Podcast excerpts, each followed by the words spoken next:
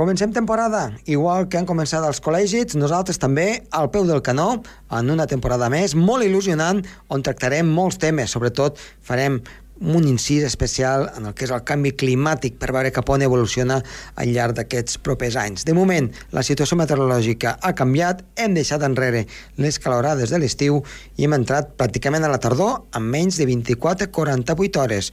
Atenció, ja veurem què és el que passarà aquest cap de setmana. Comença el torn.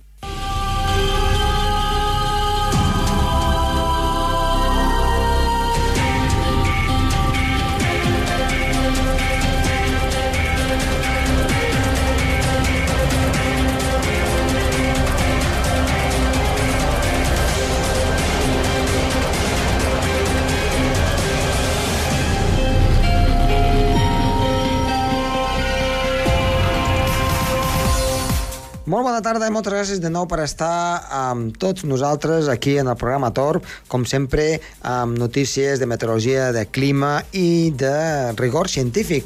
Avui parlarem amb Gerard Tauler del clima urbà.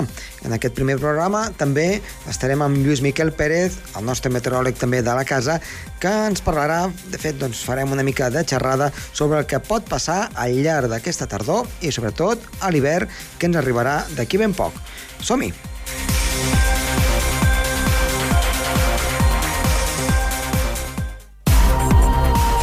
El torn amb Josep Tomàs.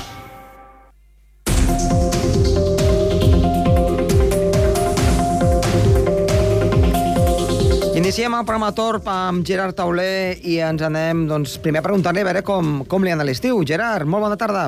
Molt bona tarda. Què tal l'estiu? Bé, Bé, aprovat o què? Sí, sí. Bueno, molt bé, força. Um, escolta'm, uh, comencem doncs aquesta nova etapa del programa i ens vols parlar de, del clima urbà. Sí, Doncs uh, a veure quines, quines característiques té doncs, aquest clima urbà. Perquè, clar, nosaltres coneixem diferents climes de muntanya, doncs, de, de costa, per exemple, eh, continental, eh, podríem parlar també doncs, del clima, els climes doncs, eh, més aviat doncs, eh, de latituds altes, doncs, al voltant de l'Àrtic, de l'Antàrtica, però clar, Sí. clima, clima urbà una mica, doncs, pels que la gent que no, no, no sap massa de, de que, com funciona el clima, un clima urbà és una mica estrany, no? sí, el, el clima urbà està, eh, està modificat per l'efecte de la ciutat en, el- en el clima. Mm -hmm. La, la presència de superfícies asfaltades, d'edificis i de cotxes, doncs fa que la temperatura sigui superior, sobretot durant la nit, respecte a les zones rurals. Mm -hmm. I aquest, aquest clima urbà només es dona en, en zones de molta congregació de gent, o sigui, per tant, de... No ha en, en pobles petits ja es dona, però pas que l'efecte és, és menor que en grans ciutats. Per tant- ciutats mitjanes. Mm, Podríem dir que en, en tot lloc on hi viuen persones o hi ha un nucli, per petit que sigui, hi ha una certa modificació del clima d'aquell lloc. Sí. Sí, sí, sí, sí. Quin clima urbà podríem destacar com a eh, més bèstia o on, on, on varia més respecte al que serien els voltants? Home, per exemple, a Madrid la mitjana ha estat uns 7 graus.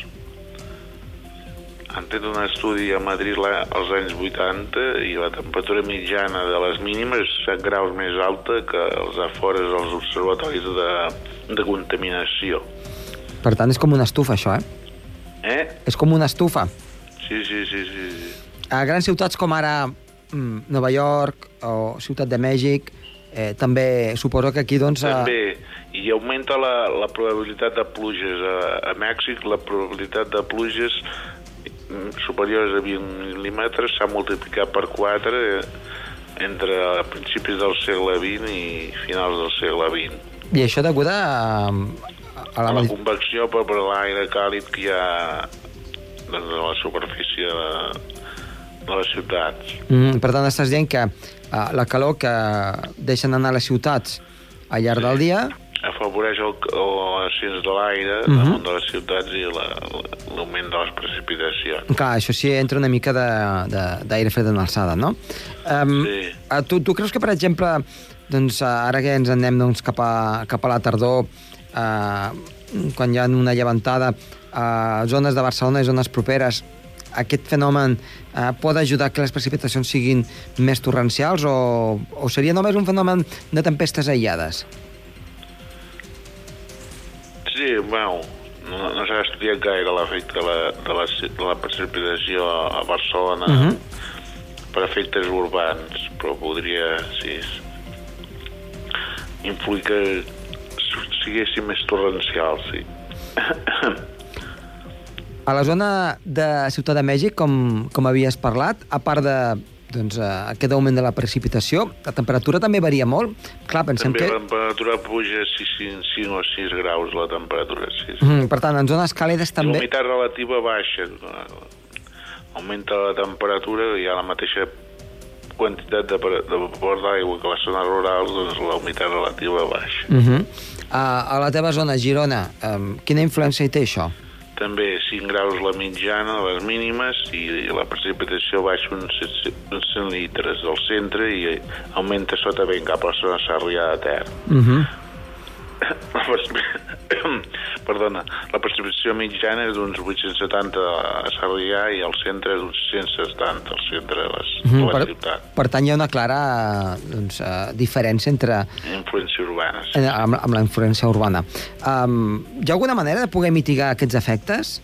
Sí, doncs amb green roofs, que serien unes plataformes com una mena de, de parterres de, de color verd que es posen damunt dels edificis amb vegetació Sí? que, que disminueix la temperatura de, dels edificis i també té una influència en la temperatura de l'aire, especialment durant el migdia, que poden disminuir la temperatura 1 o 2 graus. Uh -huh. I també disminuir la quantitat de, de places dures i augmentar la quantitat de superfícies verdes a la ciutat, uh -huh. augmentar la quantitat d'arbres i de parcs urbans. Uh -huh. i també disminuir la quantitat de cotxes que hi ha que circula a la ciutat fent que hi hagi augment de, de, de, de la mobilitat doncs, que no sigui d'automòbils, de, de, bicicletes i a peu. Uh -huh. Suposo que també doncs, el- els vehicles elèctrics hi, hi, hi tindran una, una influència en un, en un, sí, en un futur també, pròxim. perquè evidentment no, no, no generen CO2, que és el, el, el principal gas de l'efecte hivernacle. Uh -huh. Doncs molt bé, Gerard. Molt bé, Moltes gràcies i t'esperem doncs, una propera vegada. Fins la setmana vinent. d'acord, molt bé, Josep. Tomàs, vinga, que vagi bé.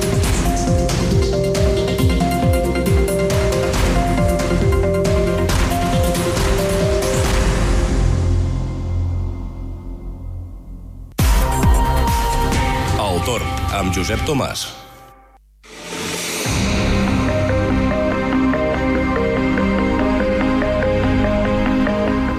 I com no, començant aquest nou període, aquest nou programa Tor d'aquesta temporada, comencem amb un clàssic. El clàssic amb, amb el Tito Luismi. Luismi, bona tarda. Bona tarda, Josep. I, I diem un clàssic perquè, a veure, eh, què millor que començar la temporada que parlant amb tu i, i parlant d'aquelles coses doncs, d'una mica que ens pot deparar aquest eh, proper eh, aquesta propera tardor meteorològica i, tam i també l'hivern. Però si et sembla, abans de d'enfilar una mica doncs, el camí del que serà doncs, el futur, doncs eh, fem una mica de repàs molt ràpid del que ha estat doncs, a l'estiu, que aquí segur que l'encertem els dos, eh? Sí, així és. De fet, eh, sempre... Jo recordo moltes vegades el que diu a les seves classes d'universitat el, el catedràtic Javier Martín Vide, eh, que ja l'hem pogut també entrevistar aquí al programa uh Mhm. -huh. i vell conegut de nosaltres, que les millors previsions del temps són les de a postmortem.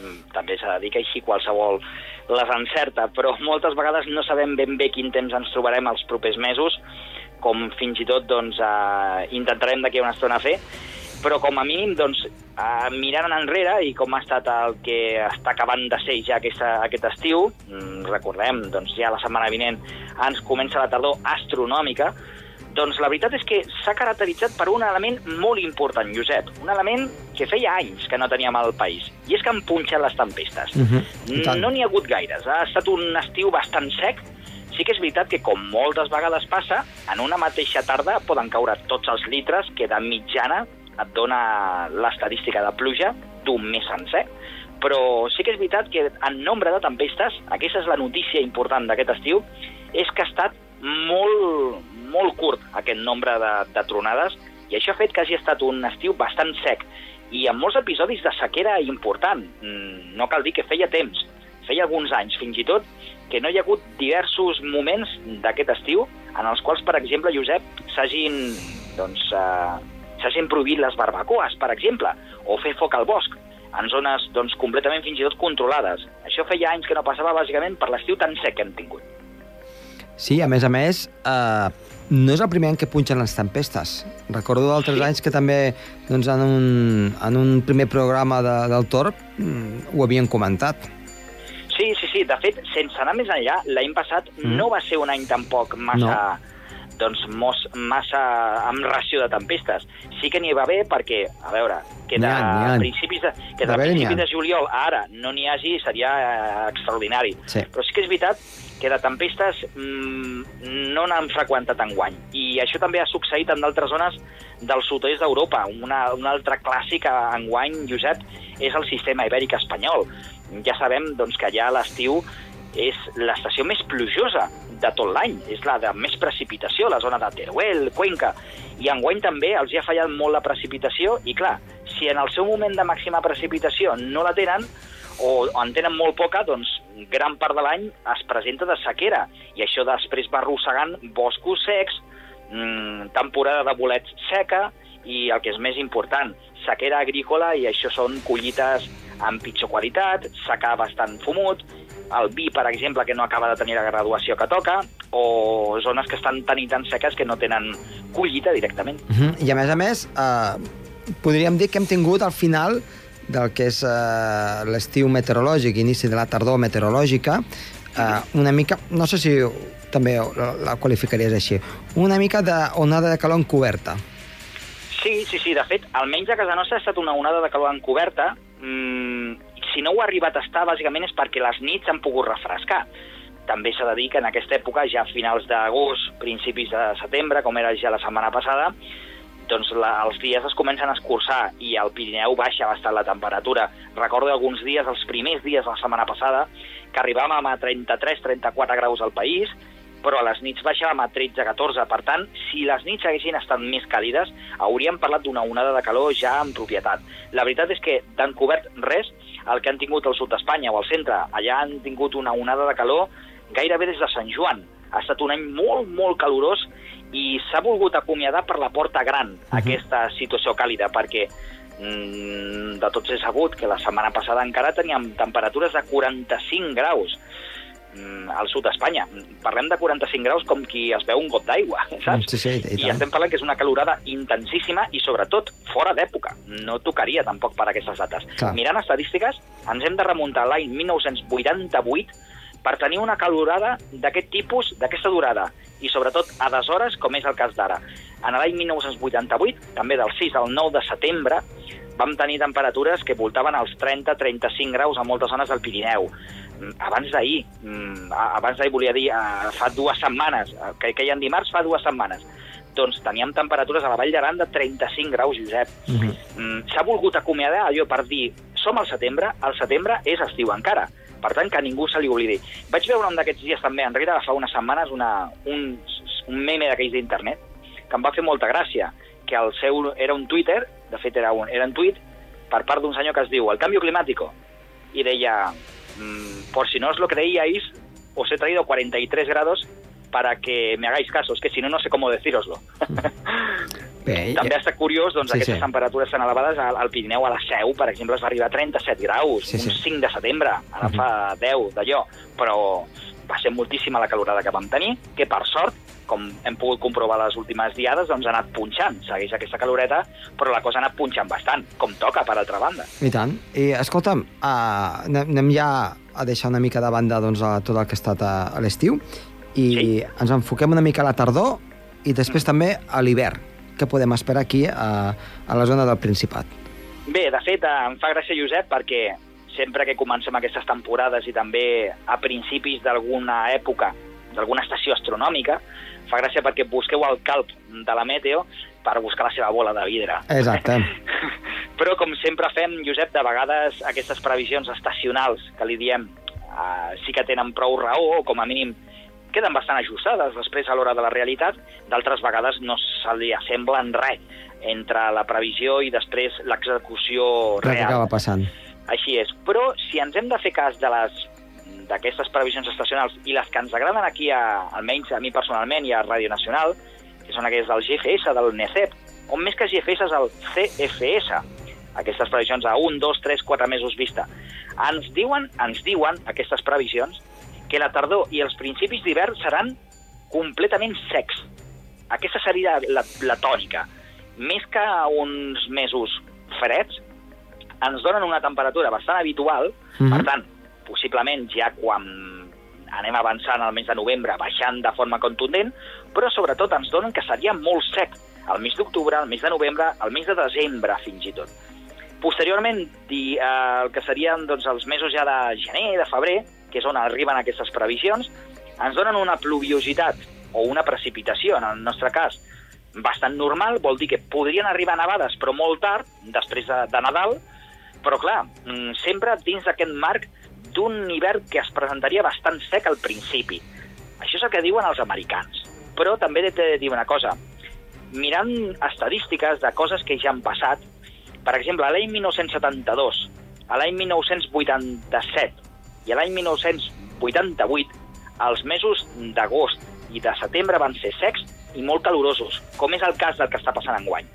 Si mirem què va passar després, ens trobem que, sorpresa, que el mes d'octubre, novembre i fins ben bé al febrer de l'altre any acabaven sent molt plujosos i bastant freds a l'hivern.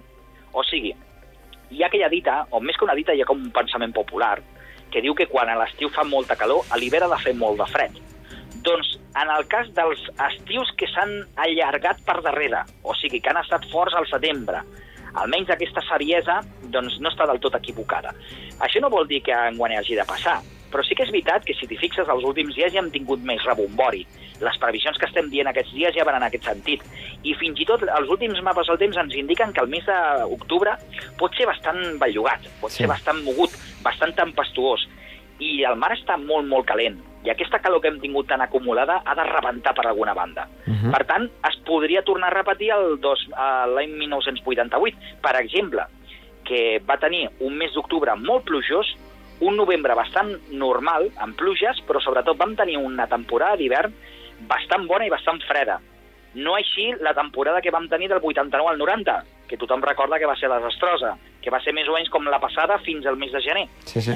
Doncs això podria tornar a succeir. Per tant, tirant d'americans, pintant bastos, tirant d'experiència, no estamos tan mal. Uh -huh. Escolta'm, i clar, el que, el que doncs aquí al país ja comencen doncs, a, a picar la porta i comencen ja a ficar-se nerviosos, mira que estem ja Sí. encara al setembre, eh, eh, aproximadament eh, principis de desembre, finals de novembre, eh, hi haurien les condicions òptimes per poder obrir pistes o no? Clar, és, mm, eh, la resposta a aquesta pregunta és impossible de Mhm. saber-la. No és que sigui difícil o molt complicada, és que és impossible. El que a nosaltres ens diu la, aquella branca de la paraciència, que és aquesta branca anomenada intuïció, ens diu que sí que podran obrir pistes, però amb unes condicions de poc fred, en general. Mhm. Mm, més aviat haurà nevat i hi hauria un bon coixí de neu, sobretot mm, sembla que a partir de finals de novembre, d'octubre, volia dir, i el novembre tindrem les primeres nevades importants que van fent calaix, o sigui, que van fent saó, que van fent aquesta, aquesta capa doncs, perquè després la neu quedi consolidada, però potser faltarà una mica de fred. Mm, A mi, personalment, no m'estranyaria que pogués obrir perfectament la temporada per la Puríssima, però amb unes condicions de neu no especialment excepcionals. Uh -huh. I això...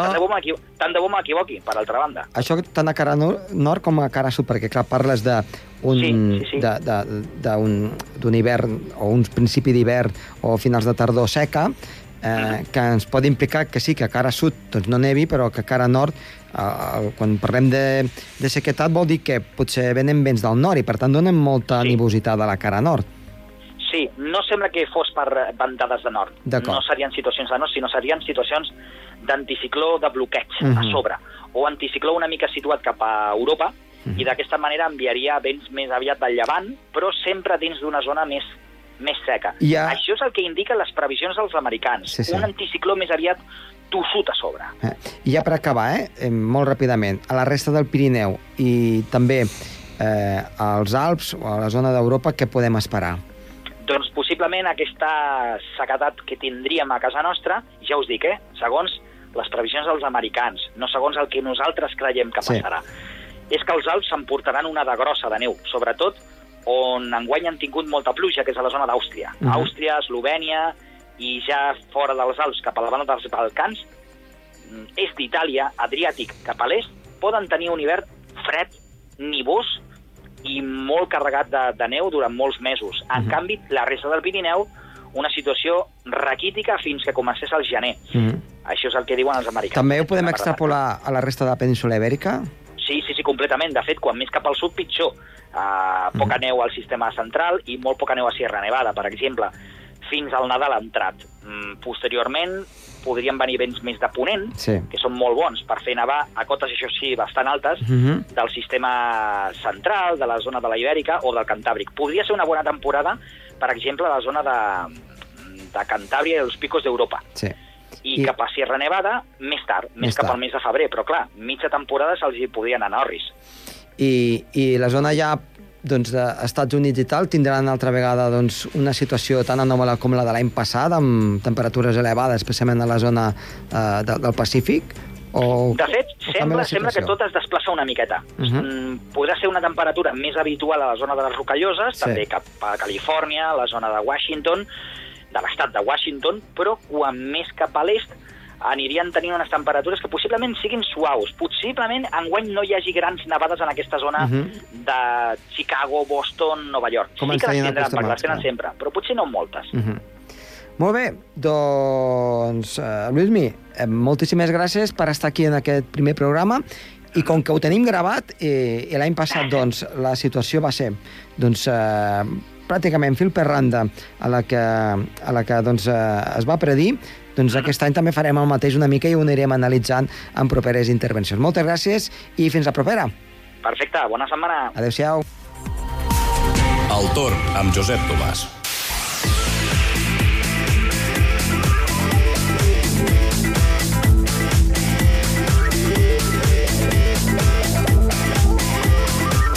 Doncs som-hi, déu nhi com han baixat les temperatures, com ha canviat el temps en aquestes darreres 48 hores, fins i tot hem tingut un episodi d'una mica de neu a l'alta muntanya, amb la darrera pertorbació que ens ha afectat i les màximes han baixat entre 10 a 15 graus. Avui, per exemple, tan sols hem, hem passat dels 15, 16, 17 graus cap a l'extrem sud del país. Què ha de passar al llarg del cap de setmana?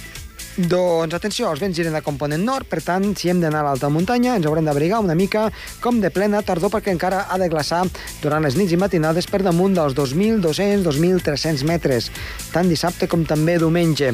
Al llarg del dia de dissabte, però, la situació eh, serà de nuvolositat entre variable i abundant. A cara nord pot acabar cobert i fins i tot amb alguna dèbil nevada, per tant, atenció a la cara nord, no ens despistem a l'alta muntanya i cap al sud eh, força més clarianes. Per tant, una situació marcada per aquesta doncs, incipient tardor que ha arribat abans d'hora, igual que l'estiu doncs, s'havia allargat una mica més. Diumenge, el sol s'imposa, les temperatures mínimes baixes, però les màximes amb tendència a anar remuntant poquet a poquet. A mesura que avanci la jornada seran una mica més elevades, tot i que no arribarem ni molt menys als valors de les darreres jornades. Així doncs, les màximes no passaran en general a les zones més baixes del país dels 20, 21, 22 graus i a l'alta muntanya cap als 2.000 metres doncs uns valors que poden arribar als 10, 11 o 12 graus a més estirar. En definitiva, doncs, una situació meteorològica que ha canviat força i, per tant, si van a l'alta muntanya,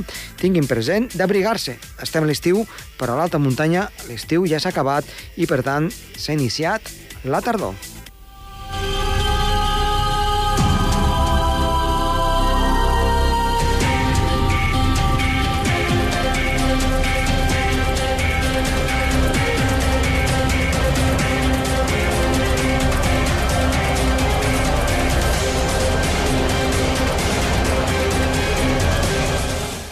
I fins aquí el primer programa d'avui de la temporada. Ha estat, com sempre, amb nosaltres Andreu Trastoi, el, el sol, tècnic de so, i eh, qui us ha parlat amb molt de gust, Josep Tomàs. Tornem la setmana vinent. Adéu-siau.